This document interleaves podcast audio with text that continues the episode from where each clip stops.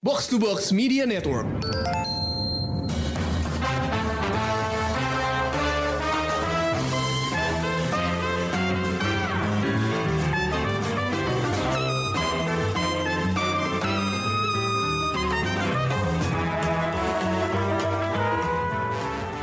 Pendengar Showbox, kembali lagi nih di The Showbox Podcast. Kali ini kita akan ngobrolin uh, sebuah, nggak sebuah, karena ada dua, ada dua buah drakor yang akan dibahas di Korea Vaganza. Dan kalau biasanya dipandu sama Amy, kali ini dipandunya sama Ulil. Tapi ada Amy-nya juga sih habis ini. Dan pastinya pas ada Krisna juga, karena kita lagi ada di Korea Vaganza.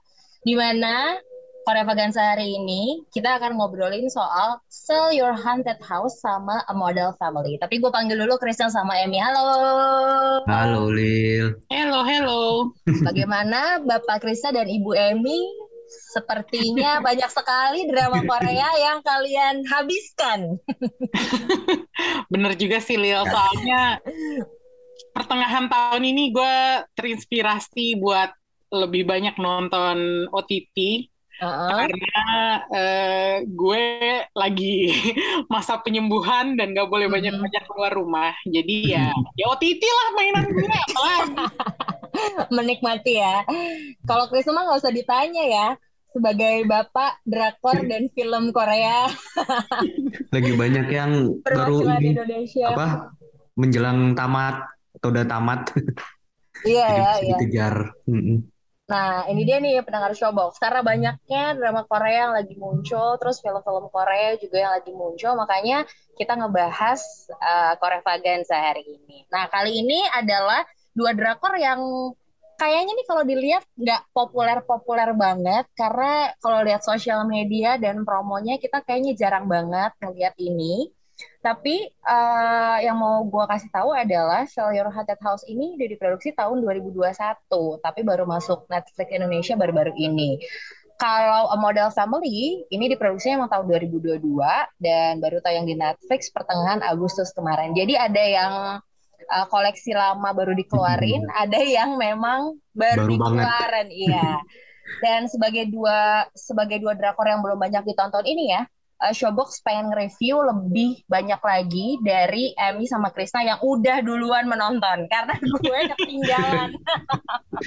gue masih mengejar drakor-drakor yang terbaru nih. Jadi Hmm. langsung aja ke pilihannya uh, siapa dulu? Mau uh, Emmy dulu lewat uh, Sell Your Haunted House atau Krisna dulu lewat A Model Family? Ayo, siapa duluan? boleh, boleh deh. Sell Your Haunted House kan tahun 2021, jadi duluan aja. Oke. Duluan ya. Oke. Let's go. Ini tuh tentang apa sih, Emmy? Kalau dari judulnya kan Sell Your Haunted House. Sedangkan lo ya si nggak mau tuh nonton yang horor-horor dan menakutkan. Apa nih ceritanya tentang apa dan akhirnya kenapa lo memutuskan oke deh gue tonton gitu. Oh, oke. Eh, jadi sebenarnya gue mau nonton ini tuh adalah pertama karena yang main adalah Jang Nara. Kalau lo dari generasi gue yang suka K-pop dari awal 2000-an, lo dulu biasanya ngelihat Jang Nara di MV-MV doang gitu kan. Ya, ya. Tapi ternyata dia mengembangkan karirnya jadi aktris juga. Dan selama ini jadi aktris, gue nggak pernah ngelihat dia terlalu menonjol banget gitu. Eh, jujur aja, gue nggak pernah nonton drakor dia sebelumnya sampai si Sell Your Haunted House ini. Nggak Dan- terlalu produktif juga kan ya dia. Iya, nggak nggak gitu banyak juga gitu loh. Dia muncul di drakor, tapi kebetulan yang ini entah kenapa waktu itu waktu pertama kali nongol di Netflix, ini yang direkomendasikan ke gue gitu. Terus gue rada kaget ngeliat ratingnya 97%. Kok bisa Kok cocok? Iya benar. sebuah film, sebuah eh, serial drakor horor Iya. direkomendasikan ke gue dengan nilai 97%. Kecocokan 97%. Iya, kan gue sama sekali nggak nonton horor gitu ya, Heeh. meskipun nonton sih kadang-kadang kayak Incantation gitu ya di Netflix. Tapi gue rasa kayaknya algoritmanya harusnya nggak setinggi itu. gitu. Mm-mm, mm-mm, Tapi ternyata setelah gue baca sinopsisnya, ini tuh premisnya aja, dasarnya aja tuh udah cukup keren. Ya. Di mana ceritanya adalah tentang seorang eksorsis yang membasmi hantu-hantu gentayangan yang punya unfinished business bisnis sama dunia kehidupan uh, dan dia melakukannya untuk menjual rumah. Jadi si Exorcist ini okay. dia real estate agency yang namanya oh. Debak Realty dan mereka itu ngasih servis pembasmian yeah. hantu kalau mereka mau ada orang yang jual rumah gitu. Jadi intinya adalah okay. sebelum lo jual rumah lo hantunya dibersihin dulu. Dibersihin dulu, benar. Dan gue merasa, aduh ini mah relevan banget ya sama sama Indo juga bisa kayak gini. Iya benar. Jadi kalau di bener. sini harga rumahnya naik langsung naik tinggi. Betul, asli, kayak asli. kalau misalnya asli. kita lihat rumah di Pondok Indah itu ya, yang pernah benar, jadi, benar. Pernah jadi obrolan di hmm. masyarakat kita gitu. Rumah kentang ya.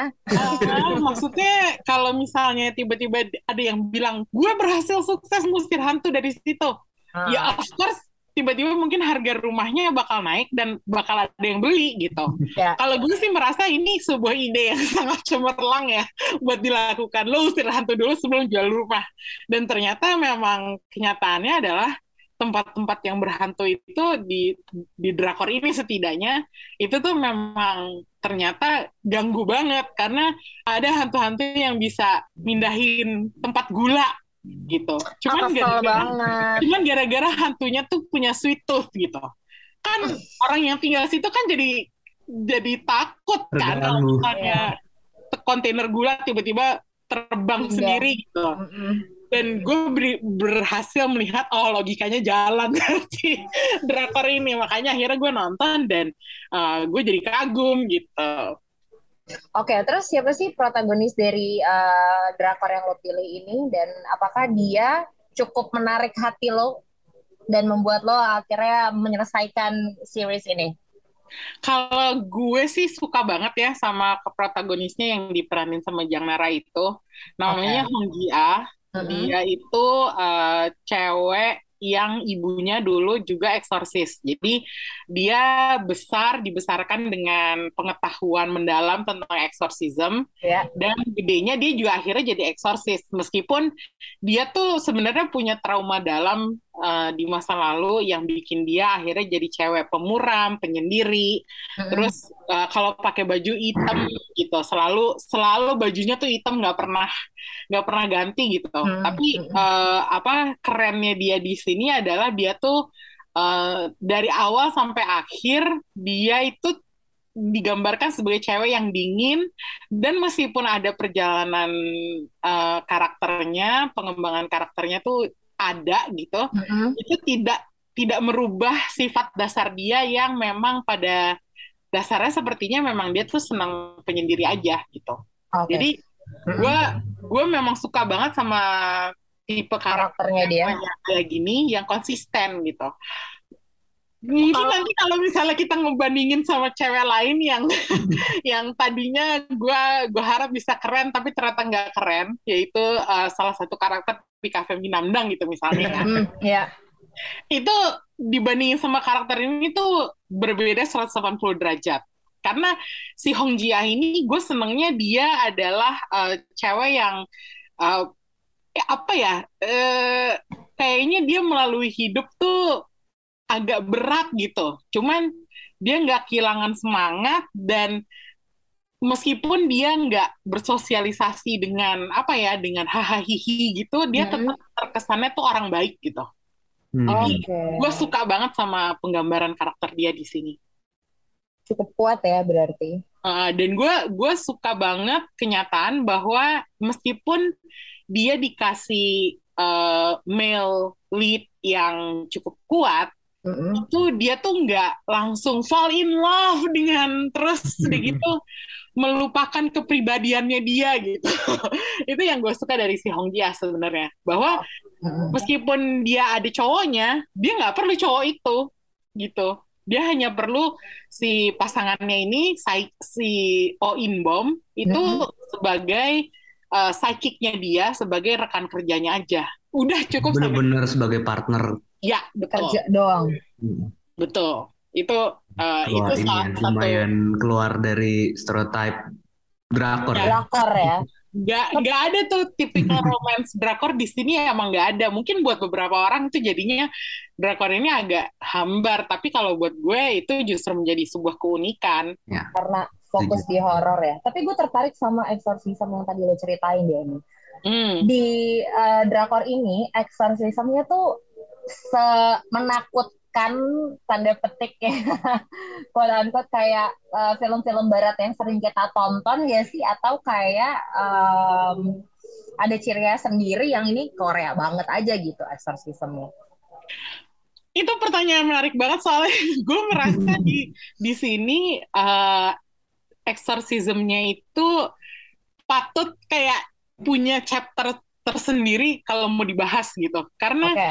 eh, di sini penggambaran exorcismnya itu lumayan eh, complicated ya lumayan kompleks Ini yang exorcismnya tradisional Korea gitu gak? Yang banyak pakai musik-musik dra Nggak. apa gendang itu gak? Gendang Nggak. nggak nggak sama Oh sekali beda ya. udah modern Jadi- berarti. Jadi caranya mereka mengexorcise sesuatu di sini itu Mhm. adalah memakai spiritual needle. Uh, Oh, hantu yang gentayangan pertama harus masuk ke harus dikunci di suatu apa ya? Di suatu ruang yang dibatasin sama garam. Oh, oke. Mereka dikurung dulu, terus udah gitu ada psychic. Psychicnya ini bertugas untuk menampung arwahnya yang gentayangan ini untuk beberapa saat sebelum ditusuk dengan spiritual needle untuk supaya arwah itu bisa akhirnya dibasmi. Hmm. Oke. Nah, makanya si Hong Ji-ah dan partnernya ini, si Oh Uh-uh. In Bom ini, itu tuh eh, mereka akhirnya jadi dekat itu karena si Oh In Bom ini satu-satunya psychic yang bisa menyerap eh, memorinya si arwah. Karena Oke.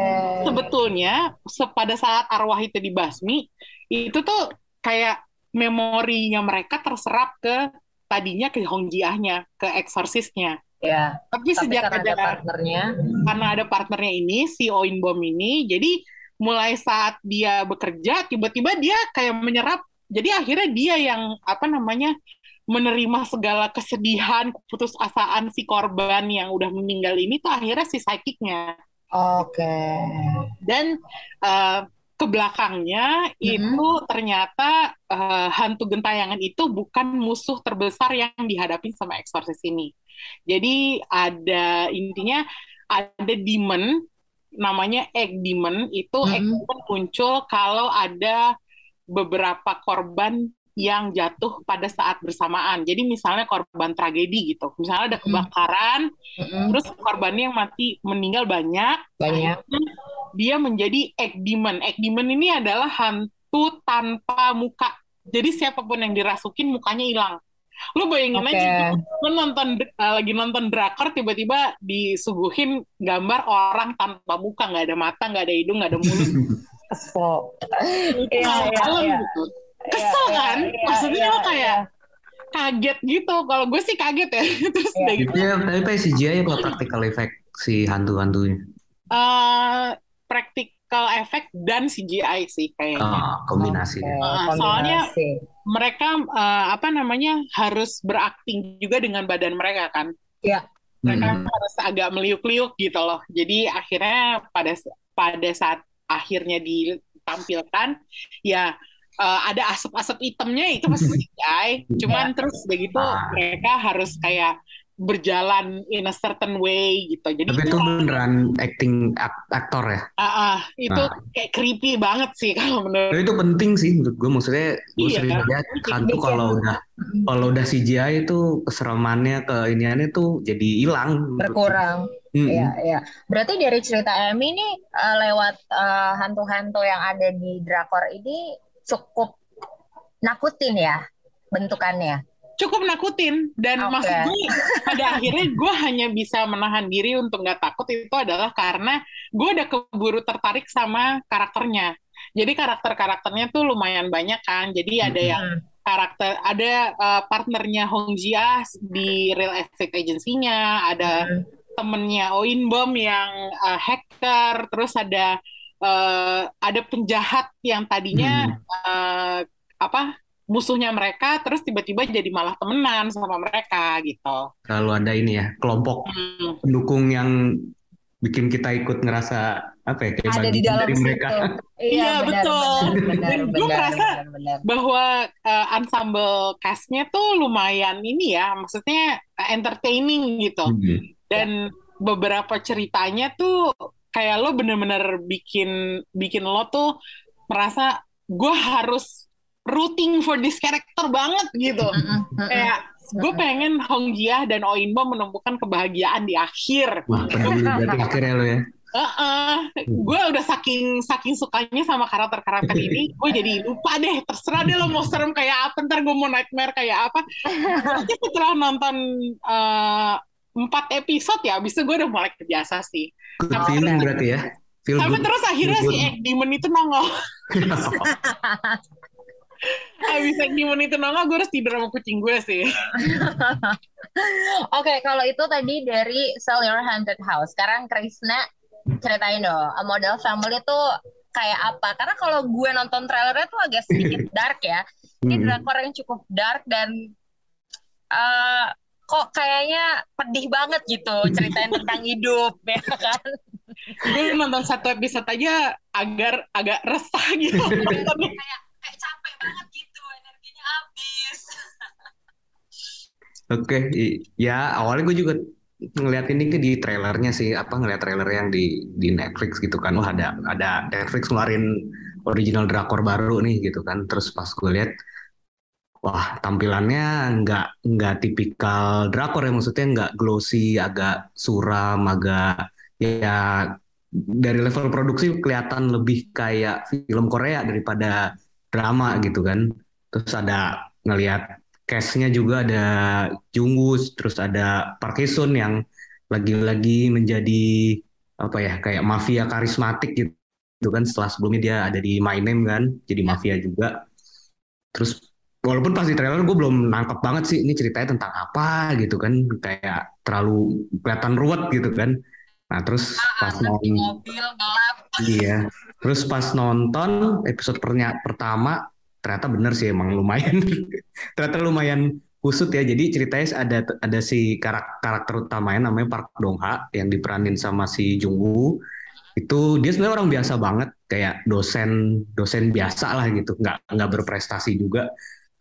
Terus ditambah kondisinya yang lagi kesulitan keuangan karena anaknya sakit harus operasi terus kayak hmm, dia juga sempat agak ketipu gitu sama rekan kerjanya karena dijanjiin dia bisa menjadi profesor dengan kasih uang gitu tapi ternyata tidak tidak nggak nggak apa nggak kejadian. Terus dia sama istrinya juga lagi nggak harmonis gitu kan. Terus tiba-tiba pas dia lagi stres di parkir di pinggir jalan di daerah yang sepi banget terus tiba-tiba dari belakang mobilnya ketabrak aja gitu terus pas dia cek siapa yang nabrak ternyata di dalamnya tuh ada dua orang yang udah mati.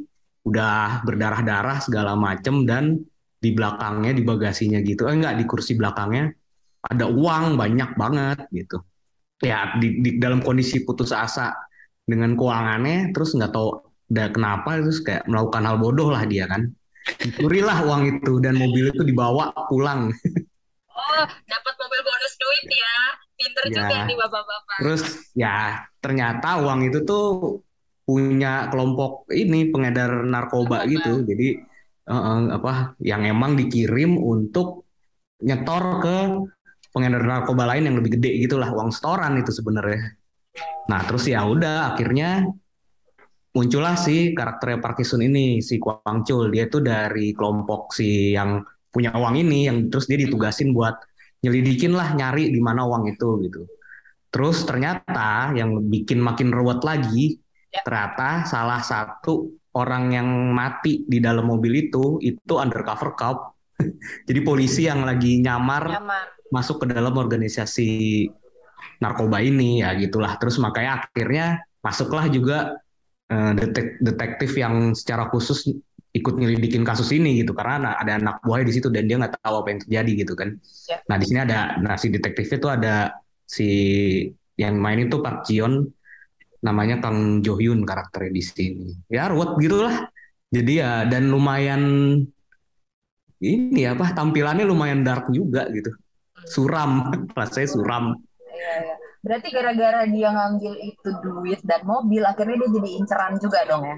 Iya, akhirnya dia ya ya berurusan. Jadi mesti berurusan dengan organisasi narkoba Terlarang ini. itu. terus juga mesti apa ya diam-diam juga dia mesti ngumpet dari kejaran polisi juga kan yang yang nyari tahu uangnya ke mana gitu kan dan apa yang terjadi sama polisi yang ada di dalam mobil itu gitu. Oh, jadi banyak tapi- lumayan banyak akhirnya banyak lumayan banyak yang terlibat sih di dalam ceritanya. Jadi emang kalau dibilang ruwet ya bener juga karena si Kuangculnya ini sendiri si mafianya ini sendiri dia juga punya agenda tersendiri sama organisasinya sebenarnya dan punya Oh. tujuan tersendiri juga sama uang itu gitu Hmm, hmm, belum lagi masalah dia sama istri dan istrinya dan Anaknya. anaknya yang sakit hmm, hmm, hmm, hmm. Tapi Jadi di, antara keruwetan ini, Mm-mm. apakah lo nyaman menontonnya sampai akhir? Nah. Atau kayak, ah udah deh gitu, kayak gue mesti Nah, ulang berapa menurut- kali biar nyampe gitu. menurut gua hebatnya A Model Family ini dia rapi ngejalin semua masalah ini tuh rapi banget kayak dari episode awalnya gua udah langsung ke hook penasaran waduh ini kacau banget gini apa yang gimana solusinya ya ke depannya kayak Hmm, bakal hmm. kayak gimana gitu kan Mm-mm. terus ternyata ya gue ikutin episode demi episode ternyata di ya itu hebatnya ini bisa dijalin dengan rapi sih ceritanya. Dan setiap episode tuh selalu ada ketegangan-ketegangan yang Berbeda. beneran iya berbeda. Karena ya akhirnya si Park Dong Ha-nya ini makin terlibat dengan si Kwang Chul kan ketika Ya.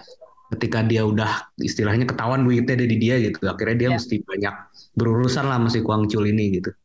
Belum lagi Tapi- polisinya yang mesti kejar-kejaran sama si Kwang Chul juga Tapi eh, cukup kebantu nggak nih Chris dengan 40 menit aja 10 episode Nah, jadi nggak iya. ruwet-ruwet banget. iya itu e- efektif banget sih 10 e- cuman 10 episode per episodenya 40 menit jadi ya sebenarnya kayak film panjang banget aja kan dengan apalagi dengan walaupun tampilannya suram tapi itu bagus di enak tetap enak dilihat Tetap gitu enak dilihat. Karena level kualitas produksinya itu udah kayak film sih menurut gue Oke. Dan ada nggak sih satu eh, mungkin satu atau dua protagonis yang ada di drakor ini yang membuat lo eh, menarik cukup menonjol gitu ya cukup menonjol dalam eh, model family itu akhirnya ya oke gue suka nih sama dia nih gitu.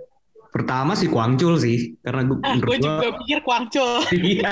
Karena Park udah kayak kayaknya dia memang cocok banget untuk jadi apa ya kayak gangster yang karismatik, yang smart, nggak cuman brutal gitu ya, tapi dia tahu apa yang mesti dia lakuin, penuh perhitungan juga, nggak nggak gerasak gerusuk gitu. Hmm, hmm. Keren sih maksudnya walaupun walaupun gangster penjahat tapi karismatik gitu. Dan keren gitu. Dan dan apa ya kayak akhirnya gue bisa bisa bukan cuman apa ya walau ikut mendukung agenda dia gitu loh grup dengan kelompoknya. Iya iya iya. Tapi Kayak lo terus lo sampai si dalam ya. iya terus si karakter Park Dong Ha-nya juga cukup bikin simpati sih karena dia beneran apa ya ke kerakusan sesaat dia tuh bener-bener bikin nasibnya makin naas gitu loh. Maksudnya dia orang biasa, orang orang baik gitu sebenarnya, orang normal banget yang nggak pernah ser- berapa kali di di di apa ya di dibahas sama polisinya kayak udah curiga tapi tapi ragu karena dia nggak pernah punya catatan, Catatan kriminal gitu loh bersih Oh, dan dan reputasinya di di di, di kampusnya di Ya. kehidupan sosial itu bagus gitu. Jadi beneran ke Bingung kenapa dia ikut kayak ini ya. Iya. keserakahan sesaatnya itu. Kesa- keserakahan sesaatnya itu bener-bener bikin kesian gitu. Dan dan akhirnya apa ya karena dia udah di posisi terdesak nyawanya gitu kan terus dia butuh Keluarganya. uangnya juga untuk Hmm. keluar buat anaknya yang emang harus operasi jantung gitu kan itu akhirnya kayak memotivasi dia untuk ngelakuin hal-hal yang nggak kebayang dilakuin orang kayak dia aja sih Ih, cukup kuat juga sih dia karakternya. Berdua Benar itulah menurut gue sih kuat banget. kuat banget. Nah, Hmm. dari dua serial ini yang udah ditonton sama Emi sama Krisna, kalau tadi kan Emmy sempat bilang karakternya bikin Emmy tuh ngehook banget sampai akhir gitu, penasaran sampai uh, si eksorsisme ini dan gimana uh, apakah terselesaikan misi utama dari uh, lead actress-nya. Selain itu ada apa lagi Emmy yang membuat lo bertahan dari awal sampai akhir? Hmm, kalau boleh milih satu aspek aja sih, mm -hmm. yang gue kagumi adalah uh, ceritanya bagaimana lo bisa letting go uh, beberapa hal yang mungkin udah nggak baik buat hidup lo gitu. Yang oh. gue ambil dari, ya, move on gitu. Ya, gue mengambil esensi dari kisah ini adalah moving on. Ya. Karena karakter Hong Jia itu kan dia ter apa ya tertekan uh. salah satunya karena dia masih menyesal uh, ibunya tuh dia nggak apa ya dia nggak berhasil menyelamatkan ibunya dan ibunya hmm. tuh uh, dia sempat merasa ibunya tuh meninggal gara-gara dia gitu jadi yeah. untuk melepaskan ibunya tuh susah banget padahal dia tuh udah hidupnya tuh kalau bisa dibilang tuh udah terancam gara-gara kasus ibunya ini gitu hmm. jadi perjalanan dia gimana akhirnya dia menyadari bahwa dia harus move on dan letting go dan mengubah gaya hidup dia supaya dia bisa happy lagi mm-hmm. itu tuh sesuatu yang sangat kena di gue gitu dan okay. dan gue rasa ini bakal bersuara ke banyak orang mm-hmm. yang punya sesuatu yang mereka masih seselin gitu. Masih lo masih menyesal tentang tentang sesuatu dalam hidup lo lo ngelihat Hong Ji Ah itu sebagai perwakilan lo dalam mencari kehidupan nyata. Iya mencari, yang, mencari mencari cara untuk let go itu. Iya gitu. Jadi pada akhirnya waktu dia akhir berhasil let go ibunya itu tuh gue nangis banget sih. Kayak sesengukan itu beneran agak banget gitu. lepas banget berarti ya setertekan iya. itu berarti dia Iya, dan makanya okay. gue jadi gue jadi apa namanya merasa bahwa drakor ini tuh apa ya sesuatu yang perlu ditonton orang karena itu ngajarin itu ngajarin bahwa lo harus letting go hal-hal yang udah menekan lo supaya hmm. lo bisa menda mendapatkan sesuatu yang lebih baik gitu. Okay. Intinya ya udah kalau misalnya sesuatu hal udah nggak baik buat lo ya Ngapain lo harus lo harus move on ya intinya Iya, iya, iya. Gitu. Bahkan Jadi di balik kalau eksorsismnya segala macam, esensinya tetap ini ya uh, soal hubungan antar manusia. manusia juga ya, emosi segala ya, macam. Ya betul. Jadi uh, yang gue suka nih ada juga adegan uh, ini agak spoiler sih, tapi uh, okay. Tapi nggak apa-apa karena uh, apa namanya uh, ini contoh yang bagus banget ya. Ada se seorang anak kecil meninggal dan ibunya tuh masih belum terima anaknya tuh pergi gitu. Okay. Terus akhirnya dibikin sama Hong Jia gimana caranya ibu itu masih bisa ngomong sama anaknya untuk terakhir kalinya. Oke. Okay. Dan pada saat dia berhasil ngomong sama anaknya, mm-hmm. ibunya akhirnya tersadar bahwa ini tuh semua gara-gara dia gitu. Kalau misalnya dia tidak melakukan ini, anaknya nggak bakal uh, gitu nggak bakal hilang dari dia gitu. Cuman setelah dia berhasil ngomong sama anaknya ini, kelihatan banget bahwa dia tuh lega, lepas gitu. Dan anaknya digambarkan pergi dengan tenang, dengan dengan anaknya juga jadinya kayak nggak ada penyesalan lagi. Gue udah ngomong sama ibu gue, jadi gue udah bisa ninggalin ibu gue gitu. Oke. Okay. Jadi uh, ya, ya. setiap kali ada hubungan ibu sama anak di di drakor, drakor ini, mm -hmm. kalau menurut gue itu contoh yang baik eh, bagaimana ya orang tua dan anak menyelesaikan masalah mereka gitu. Hmm. itu kan jarang ya kalau misalnya yeah. di drakor kadang-kadang dramanya either over atau misalnya solusinya nggak pernah lengkap gitu misalnya. Yeah. Tapi di sini gue merasa setiap kali ada adegan ibu sama anak di kasus-kasusnya Hong Jia ini itu selalu menggambarkan uh, proses yang berakhir bahagia lah intinya gitu. Jadi okay. gue sendiri sebagai orang yang ibunya udah meninggal, gue merasa kayak uh, gue akhirnya bisa merasa sedikit tenang gitu loh karena gue udah melepaskan ibu gue dengan cara yang mirip sama yang ditunjukin di Wow. drakor ini gitu. Jadi Nah, dalam banget sih artinya kalau buat gue, makanya gue suka banget sama drakor ini. Oke. Oke, oke. Jadi ya apa pun yang menurut lo saat ini belum selesai gitu ya, ataupun kayaknya lo belum menerima jawabannya, ya udah selesain sendiri supaya nggak ada unfinished business di dunia gitu ya. Betul. Kan kan kita nggak tahu umur kita kapan gitu kan ya konsepnya. Jangan ada penyesalan lah pokoknya. Bener. Tapi kalau buat Krisna gimana untuk a model family Chris? Apa yang bikin lo eh, aspek apa yang bikin lo bertahan dari awal sampai akhir selain melihat kegigihan sang tokoh utama di sana yang kayak sial gue kejebak di Ya, narkoba tapi terutama itu gitu. sih emang maksudnya ini kan tiga jadinya ada tiga pihak utama gitu ya si Doha si sel- se- sebagai selaku si pencuri uang dan yang tahu keberadaan undercover cop itu di mana gitu terus Ya. si Kwang Chul sebagai pihak yang punya uang dan punya agenda tersendiri di organisasinya dia kayak pengen ngambil alih kekuasaan gitulah sama Ya. si polisi gitu kan yang nyelidikin ya kayak agak sedikit adu strategi di antara merekanya tuh untuk keluar dari masalah masing-masing tuh keren sih. Maksudnya beneran bisa ngikat gua penasaran ya akhirnya gue ngikutin sampai terakhir. Gue gue cuman dua kali duduk gitu istilahnya untuk nyelesain nyelesain model family ini gitu. Dan selain itu emang stylenya juga bagus sih. Maksudnya apa ya nggak seglossy biasanya tapi tetap tetap tetap enak dilihat sih menurut gue tetap cakep gitu. Cuman dia ditampilkannya lebih ini aja lebih kasar gitu lebih raw gitu. Oke, tapi eh, apakah hal-hal tersebut jadi bikin lo nggak nyaman? Atau mungkin jadi ada beberapa part yang eh, cukup ngeselin Ah, dari ada sih yang bikin itu? lebih kayak apa ya bukan bu- nggak sampai nggak nyaman sih tapi kayak kayak bingung kayak ini mau kema gimana ini? Masalahnya makin ruwet. Ini kejebak Oke. masalahnya makin banyak gitu. Tapi nah itu di balik itu ternyata udah ada strategi lain yang ternyata udah dipikirin resikonya segala macem gitu. Terus ya dan ternyata endingnya pun buat gue buat gue sangat memuaskan sih untuk semua pihak yang ada di sini. Konklusinya Kejawab Oke semua ya. banget lah, ah, oke banget buat buat gua. Nggak semuanya happy ending lah bisa dibilang, tapi tapi memuaskan sebagai buat gua sebagai penonton. Jadi yang cukup ngeselin dan bikin lo gemes adalah jalan ceritanya yang ruwet tapi ditutup dengan sangat puas dari setiap masalah yang ada gitu ya. Iya.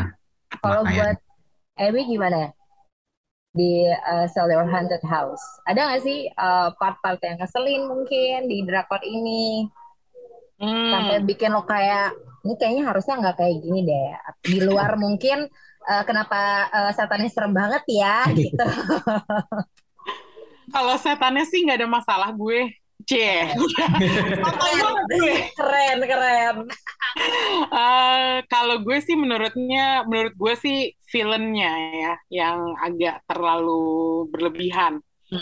Jadi ada tokoh, eh, satu tokoh yang apa ya, yang tokoh manusia jahatnya, dan dia tuh sangat apa, ya, oh ekstra gitu loh, kayak masa sih ada penjahat se, kenapa kenapa?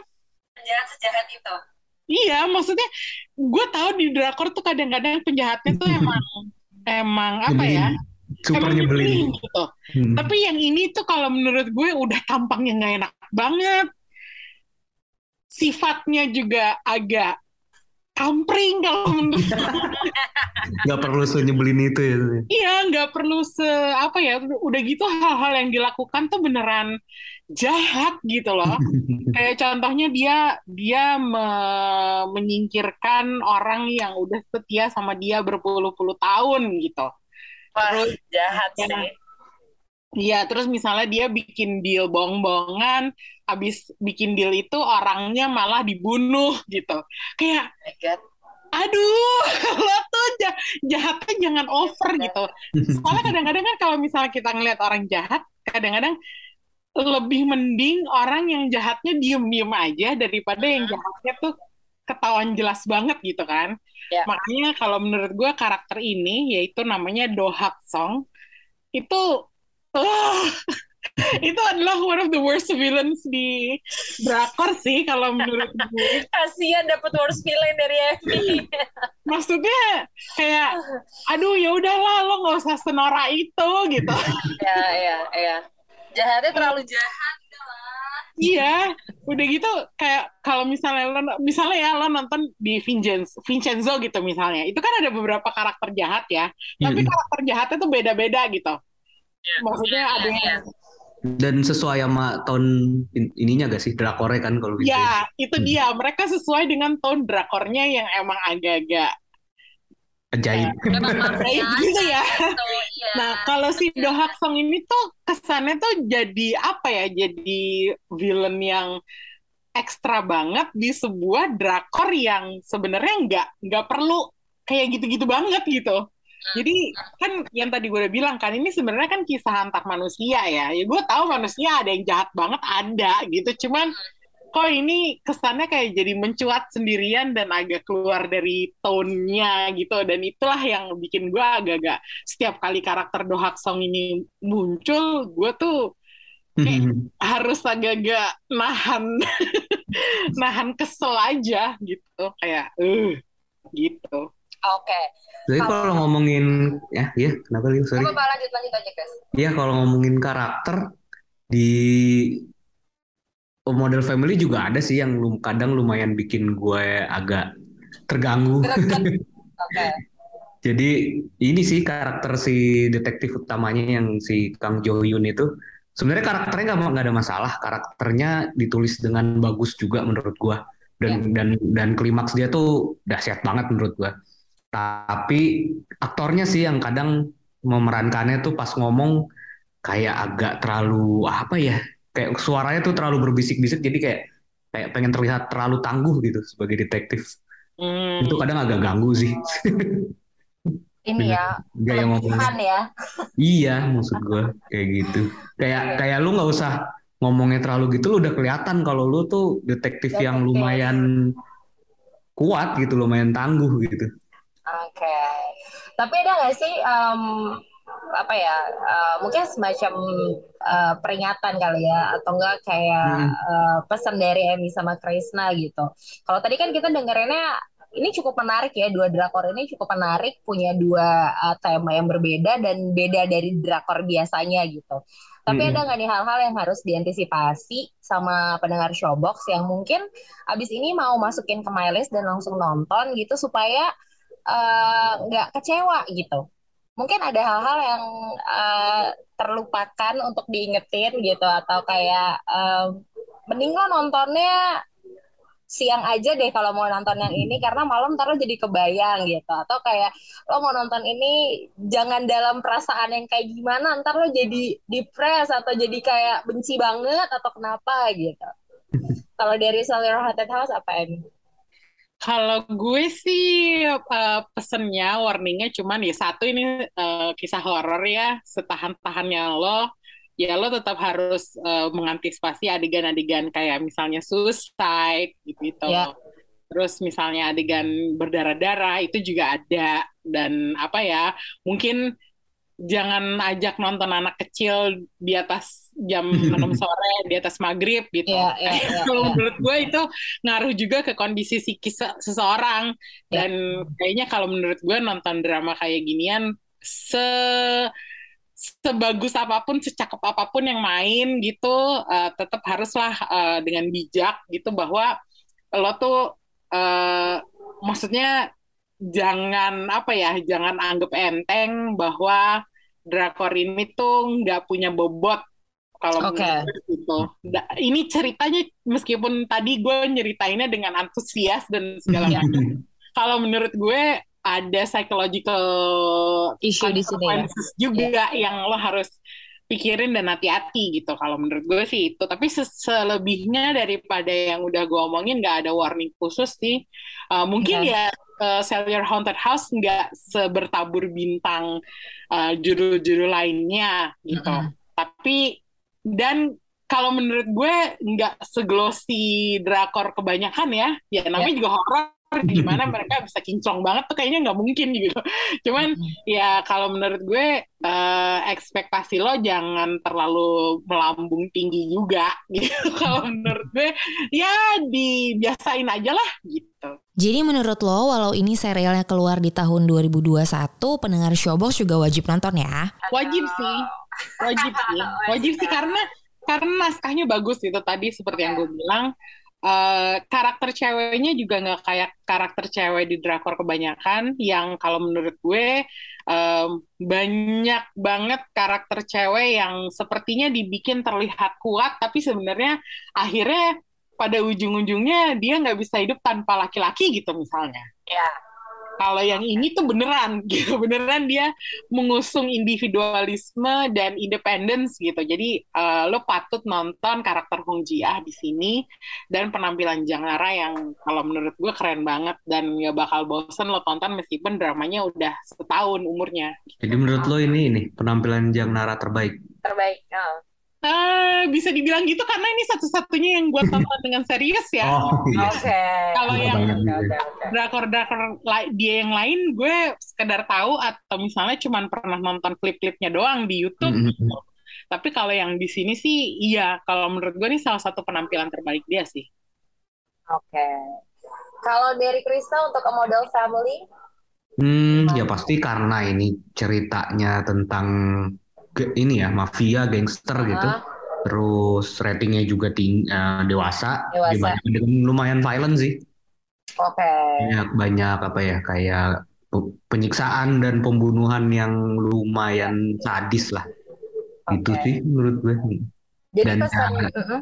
tampilannya juga memang ini sama sekali nggak drakor lebih kayak film keren film aja ya uh-uh. Oke, okay. dan pesannya saya no to drugs atau gimana? Intinya jangan, pesannya jangan ini sih, jangan jangan ngambil duit sembarangan. Oh, benar. duit. Jangan ngambil barang yang bukan punya lo ya.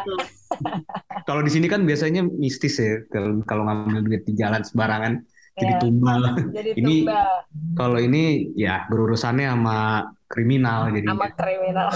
Oke, okay, benar benar benar. Tapi walaupun um, model family ini temanya mengagak rada berat gitu ya mm-hmm. tentang keluarga dan kesulitan uh, di perekonomian mereka terus juga dunia drug trafficking tampilannya juga nggak eh, nggak nggak glossy dan justru malah uh, cocok banget untuk terlihat realistis gitu. Apa yang bisa lo bilang tentang judul ini supaya yang lagi dengerin kita juga mau ikutan nonton? Uh, keren terus tegang terus memuaskan itu sih. Oh, Oke. Okay. Jadi buat pendengar Showbox yang mungkin lagi mau marah-marah ya. Oh iya, lagi... skripnya bagus banget karena ceritanya bisa rapih di tengah di tengah perutan yang ada. Perutan itu lu bisa tetap bisa ngikutin semua dan fokusnya jelas gitu. Oke. Okay. Ya, ya, ya. Nah itu dia tadi pendengar Showbox Ada dua drakor pilihan dari Amy dan Krisna Kalau lo yang mau belajar melupakan Lewat seni melupakan Merelakan Ataupun mengikhlaskan Lo bisa nonton serial dari pilihannya Amy Sell Your Haunted House Tapi buat lo yang lagi penasaran Atau pengen tahu lebih dalam lagi tentang drugs trafficking di Korea Terus juga uh, cerita kriminal dan juga uh, bagaimana sebuah keluarga bertahan hidup di tengah krisis ekonominya mereka, lo bisa nonton A Model Family. Pendengar Showbox itu tadi ulasan kita tentang Sell Your Haunted House dan A Model Family dan di episode berikutnya kita juga akan ngebahas dua drakor yang lagi uh, banyak diomongin karena baru aja tamat. Jadi jangan lupa untuk dengerin lagi ya. Ulil, Emi dan Grace pamit di episode hari ini. Sampai ketemu di episode berikutnya.